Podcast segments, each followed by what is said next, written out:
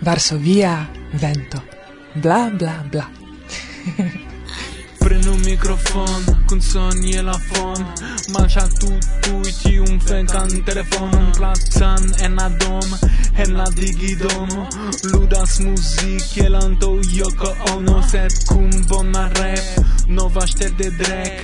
Unu kai du kai tri kai fek sen stress sen shes Nova jar plene de promes du mil dek ses Mi ne faros saman fekon ci Mi fin fine iros gis fin de projekto Fracasas bas en viai stomakoj Prifajfas mi pri viai tomatoj Hekiros sur senei sen niu ajn timo. Levente fieren mian mezain fingroj Ece daesh pafas je la fon. Paris sangumas en dentro nos je la fin. Miloj da repist plenigas YouTube-on Dronita de dolaron en iu fush klubo Celas kion volas public stultulo Insulti gis la fin Nazio Zulu o Tam tam tro da hom Oculo je la ciel Perdita en virtuales Kaj se chat de la ve. Mi trovos mi cias La play bonan vojo ya manoi Trovi jas jam la horo. Noche proximulo vi havos la konsolon Deseaĉu en cosmo hio kiel jan solo Cetere hofek ĉu vi vidis la horo. Tempas por veki kai por viŝi la ploro. Gimini la krido pri montespera karrilo porto. Ti approximigis al orel, satradaciam me fido. Gimini venis al orel, cae hion diris. Gimini venis al orel, cae tion criis. Vi estas hom ne di, nur bezonas bone vivi. Vi estas hom ne di, bezonas bone vivi. Do sportu maciu, taka kiu vi restas. Testosteron plian al homofobo mi jetas. Vecigas kun sun, kun ridet sur visaj. Curante hen la park, rigardante pejzaĝon. Sin senti veca, vec vec hec hecas forigante la malhamon dum homoi brecas kaj post bona ban preferu li bone vestu. Nova jar nova monat kaj flomero hestu. Ne pasigu la tempon konti pri histori. Dancu dancu sur vi mem por memori. Nova labor nova chance nova hunger nova lench nova nova nova nova nova nova nova.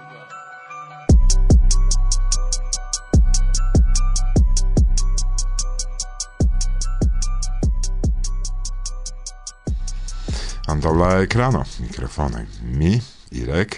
Kaj Martusia. Nu, kiel ne rigardi pasis dek jaroj, dum kiam ni elsendas karaj. Wow, mi ne rimarkis. Dek jarojn. Yes, eh, malfacilas kredi. Sed eh, tamen la dekduan de februaro 2006 al tiamai radio proponoi aligis ancau. Varsovia Vento.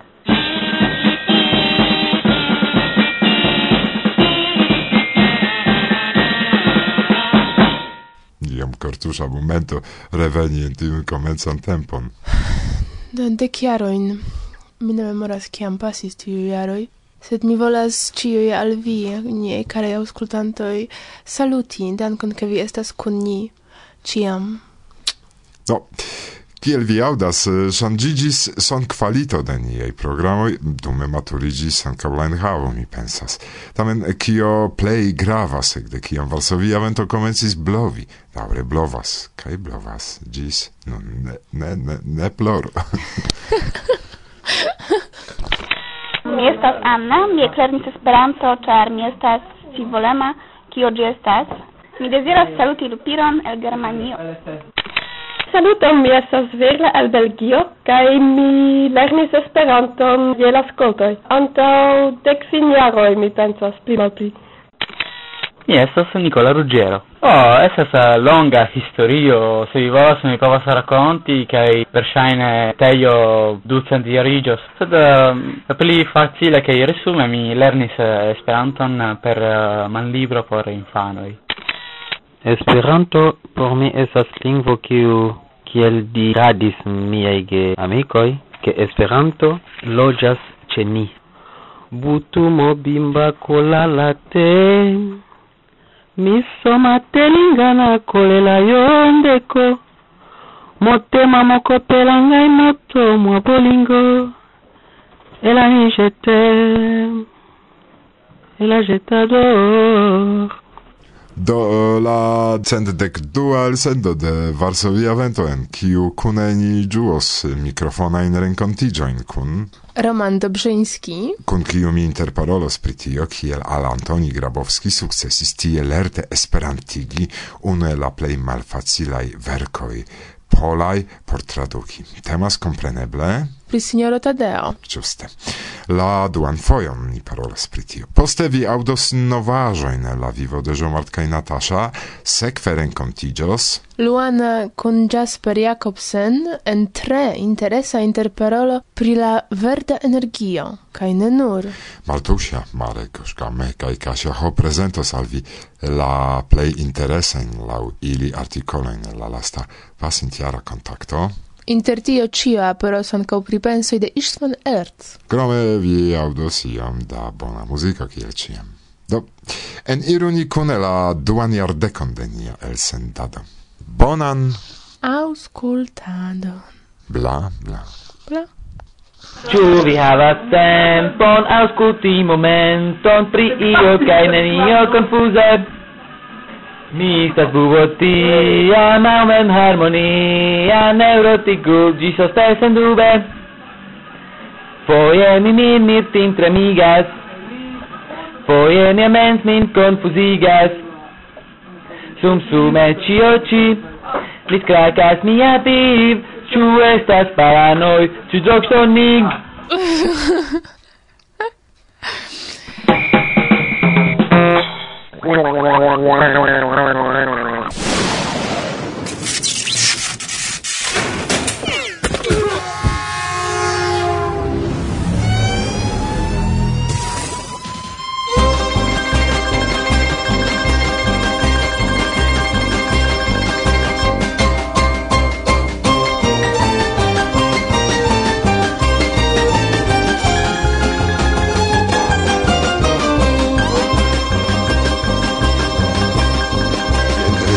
la manie, elle por agradable posetti. Al dextran pigliaron sur Hispania, al dextran sur Italia. Un la intel cururo sul Franzi, la dorson cacuga sul Belgi.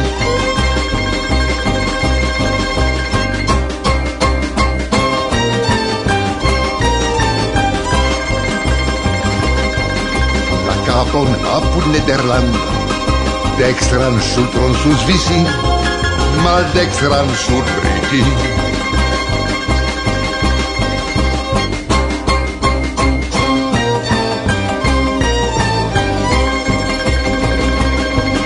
Kaj maldekstran manum sur Irlando, A dextran sur Germani Kai en vi farigas grande gul en politik. Varsovia vento, bla bla bla. Angor pratempa premis shin cenuce, draconis vintra vento en la strat. Medol glaciis sparcis fremda frido, la voion crutan baris cruda drat.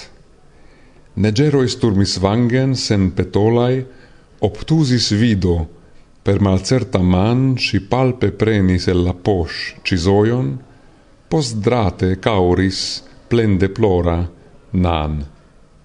La ferfadeno cedis grinzdisigge al mordo obstina del tondila par, cae sur la straton glore e cradian el pasis treme li la nova iar. Ișan Ertl, Vintra Nasco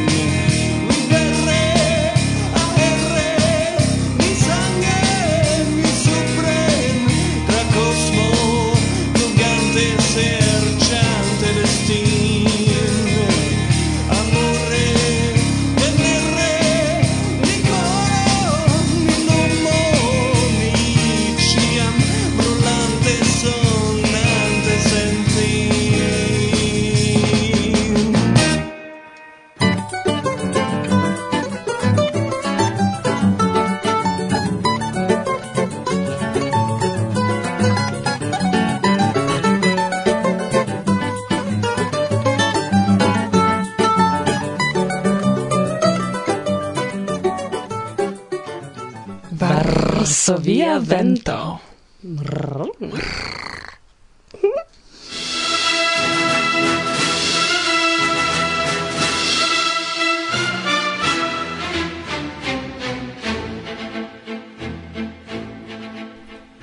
Litvo, patrujo mia, simila al sano, vian grandan valorom, ec conas Litvano vin perdinte belecon vian mi admiras, vidas gin, cae prescribas, char mi heim sopiras.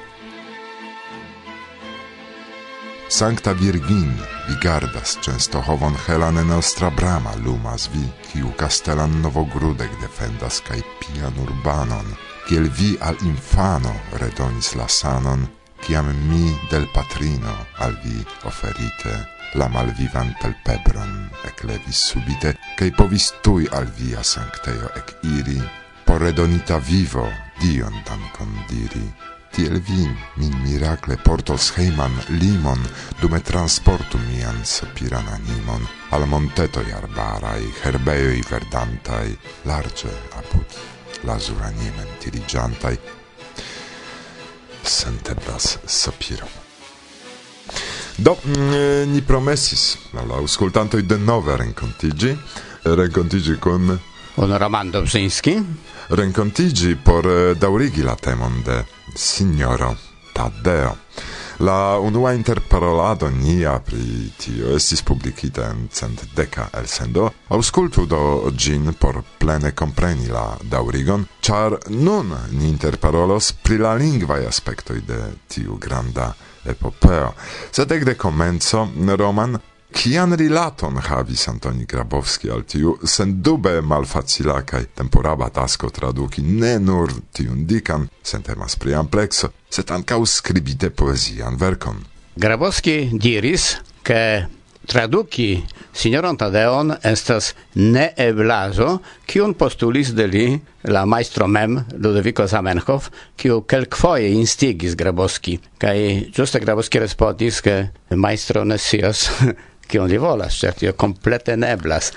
Oh, ne estis stulta, kai mi pensas che mm, estis kialoi de lia scio pri la lingvae capabloi de Grabowski ion li devis rimarki iam, provu ni do clarigi kiel malfacilan taskon li prenis sur sin. Vidu, eh, citie mi devas shangi min en profesoron, kai fari lekcion pri poesio. Hm? Sin mi ne sias ĉu la radio ascoltanto el tenos tion. Anca, mi ne sias, sed riscuni, cae, char signoro Tadeo estis verkita poesie, eble do clariguni por la comenzo, cio estas poesio? Mi citie notas lau PIF, che poesio estas arto comunici emocion per muziko de parolo, obeante metricain reguloin, ne? Do temas ĉi tie pri la poezio, kiu havas sian metrikon, kiu havas sian strukturon, kiu estas formala. Kompreneble povas esti poezio sen formalaj eh, reguloj. Kaj imago ke ekzistas eĉ speciala scienco, kiu okupiĝas pri poezio, kaj ĝia nomo estas poetiko. Do necesas difini ankaŭ kiu estas poetiko. Do oni esploras kaj mi diru generaligas regulojn pri la verkado de versoj. Kaj ĉiu poemo konsistas el versoj. Do giuste vi jam diris anta momento, Litvo, patruio, mia, simila al sano, tio estas verso. Vian grandan valoron conas Litvano, estas alia verso. Hm? Ne? Kai tiai versoi en Signoro Tadeo estas quelcae miloi. Hm? Sed, kio estas verso? Do, kio ni povis rimarki, Tio esas aro de vortoi, kiui consistigas stilistican unuon, kiu ciam ripetigas. Hm? Tiu verso povus havi diversan metrikon.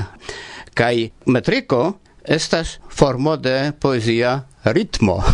Do ancora mi ne perdigis. Kai ki estas la eh, ritmo? Ritmo consistas el piedoi, tio estas termino de ciu vorto usata en la versoi, Cai ili, lau sia specifa caractero, havas siain diversae nomoin. Do exemple estas jambo. Kai jambo estas vorto au piedo en poesio, kiu consistas el du silaboi. La unua silabo estas ne accentita, kai la lasta accentita. En Esperanto, jamboj estas fareblai tre facile dank al tia nomata Elisio, oni povas forzeti o kai anstata patrujo oni diras patrui. Dum patrujo havas ankaŭ sian nomon, tio estas amfibraco. Ekzemple patrujo. Do estas tri silaboi, kai la accento estas la dua silabo, antau lasta silabo patrujo. Sed ankaŭ tre tipa por la pola lingvo, sed ankaŭ por Esperanto estas il nomata trokeo. Kaj trokeo estas du silaba kun accento sur la unua, sano, sano. Hm? Do, giuste, signora Tadeo, estas trege complica, prola versoi, kiu havas ankaŭ specifa nomon. Tio estas Alexandro Ia mi audis pri tio dum kiam mi estis ankoraŭ en lernejo. Do, Alexandro devenas de la poezio franca kaj fakte provensala, kaj ĝi ĝenerale konsistas el dek du aŭ dek kvar silaboj. Sed Mickiewicz uzis tute alian verson, kiun oni nomis cetere Pola Aleksandro kai tio consistas el dec tri silaboi kai tio faras grandegan complicajon por tradukistoi char tiu verso consistas el dec tri silaboi kai havas ne simetriain hemisticoi. Do esas ancora valia termino che nomigas hemistico, che giuste en tiel longa verso, exemple dec du, tipa Alexandro, do estas ses silaboi kai ses silaboi. Ca inter tiu ses kai ses estas tiel nomata cesuro, kiam estas malgranda pauzeto por simple expiri, ne? Kai en signora Tadeo, char gi havas dec tri tiu chemisticoi ne estas egalai. La unua estas sep silaboi, ca la alia ses. Kai tia estas problemo kun accentoi, char en eh, tiu franca tipa Alexandro estas accentoi ciam ia fino, char estas multai jamboi. Kai en Signora Tadeo jamboj tute ne existas, ne? Estas nur amfibrakoj, no trisilabai, kai trokeoi, sed ili ne multe diferenciĝas, char same amfibrakoj kiel trokeoi, havas accenton ne je la fino, sed antau lasta silabo. Do kiel mi dias, patrujo au sano. Uno estas anfibraco, la alia estas trokeo, sed ambaŭ havas la saman akcenton, do la lasta silabo ne estas akcentita. Kaj tio nomiĝas inaj rimoj. Kaj en Esperanto estas multege tiuj rimoj, ĉar preskaŭ ĉiuj vortoj en Esperanto finiĝas per vokalo, do la akcento estas ĉiam en antaŭ lasta silabo, Kai tio casas anche la pola lingvo, kiu consistas grand parte el juste tiui trocae kai amfibracoi. Tio donis grandan ŝancon al Grabowski, ke li povis preskaŭ ekzakte traduki sinjoron Tadeon kiel la pola lingvo preskaŭ. Ne? Do, la pola lingvo estas lingvo de inaj rimoj, eh, Esperanto ofertis al Antoni Grabowski multe multe da vortoi, kiu estas juste tio specai. Tio faciligis traducon, sed compreneble, tio estas ancau terege malfacila afero, char gi similas solvano de la cruzvort enigmo, pri cio mi mem convincigis kiam mi devis traduci epilogon. Epilogo estas la fina parto de la epopeo, kai Adam Mickiewicz comencis gin verki, kiam la manuscripto jam estis en preseio.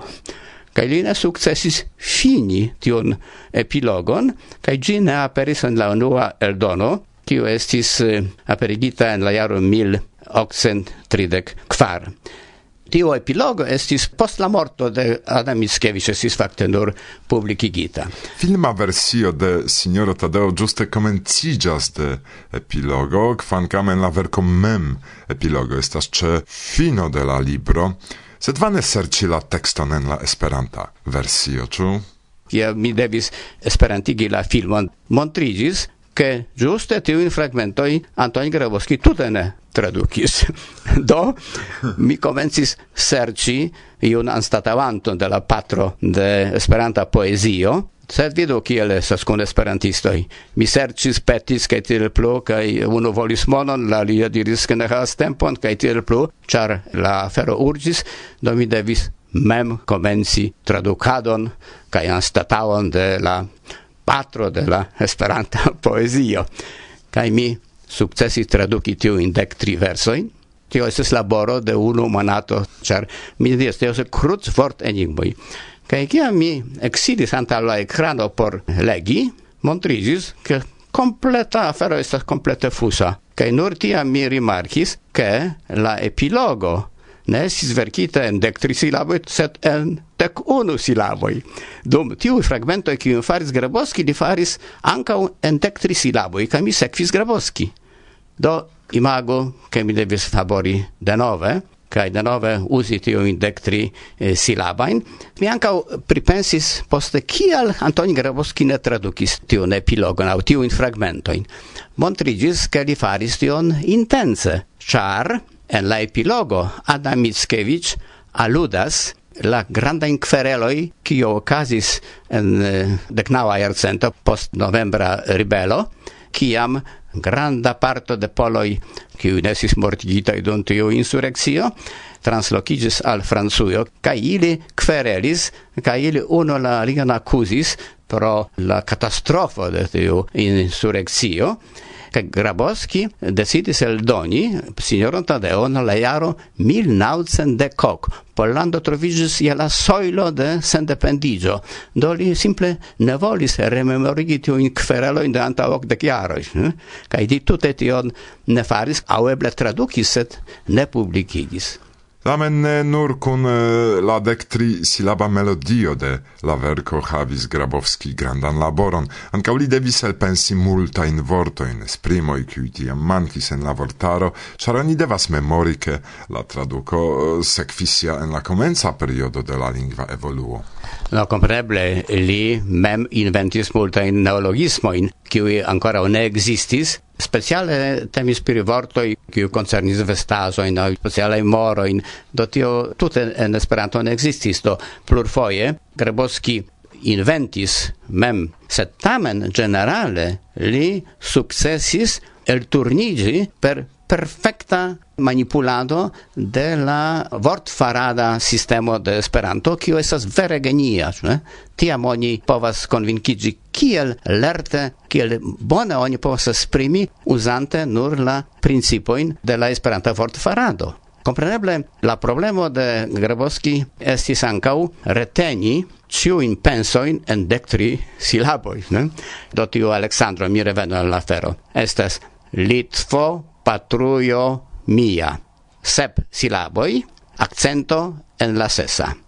Cesuro, simila al sano, ses silaboi, set accento esas cifoie en la dek dua silabo. Hm? Do ciam tio estas inai rimoi kai necesaj accentoi. Do tio estas problemo, tiel manipuli vortoin, ke ili consistigu veran ritmon Do kiel mi diras, tiu fakto, ke Grabowski uzis tiun trokeojn amfibrakojn, sed foje tamen okazis, ke iu penso esprimita per esperantaj vorto estas tro longa. Ne havas dek eh, tri silabojn, sed dek fin silabojn. No? Do tiam Grabowski interalie provis eh, inventi uzi tiajn artificajoin kiel exempla, anstataŭ dire estas, li uzis nur as. Ludovica Samenhof aprobis tiu insanzoi. Sed montrigis che ci afero ne acceptigis poste, eh, do neniu diras mi as bela, ĉu ne? Sed mi estas bela.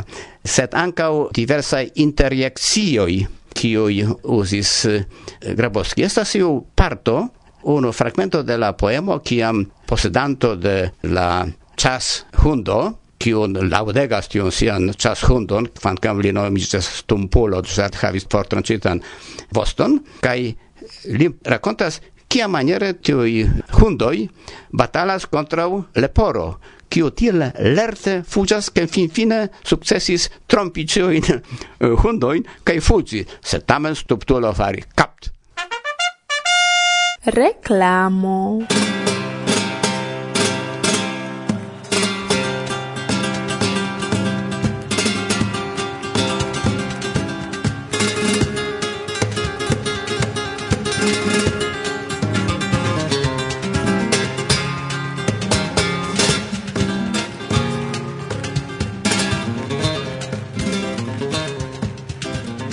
Ĉu vi ŝatas Hispanion, ĝian interesan kaj viglan kulturon, varmajn dancojn, bongustajn manĝojn kaj trinkaĵojn? Ĉu vi ŝatas Esperanton, la lingvon kiu ligas nin ĉiujn, kie ajn ni loĝas? Tiuj ambaŭ temoj renkontiĝos inter la 30 de junio kaj 4 de julio 2016 en Herra malnova kaj fascina urbeto kie okazos la jubilea sepdek kvina hispana kongreso de Esperanto. Interesiĝu pri la evento, planu tempon veni, vidi kaj ĝui la hispanan tradicion kaj la internacian etoson. La Hispana Esperanto Federacio kore invitas vin kune festi la jubileon en akompano de zorge kaj riĉe preparata programo. Ne tradormu tiun okazon. La jubileo okazas nur unu foje. Bonvenon!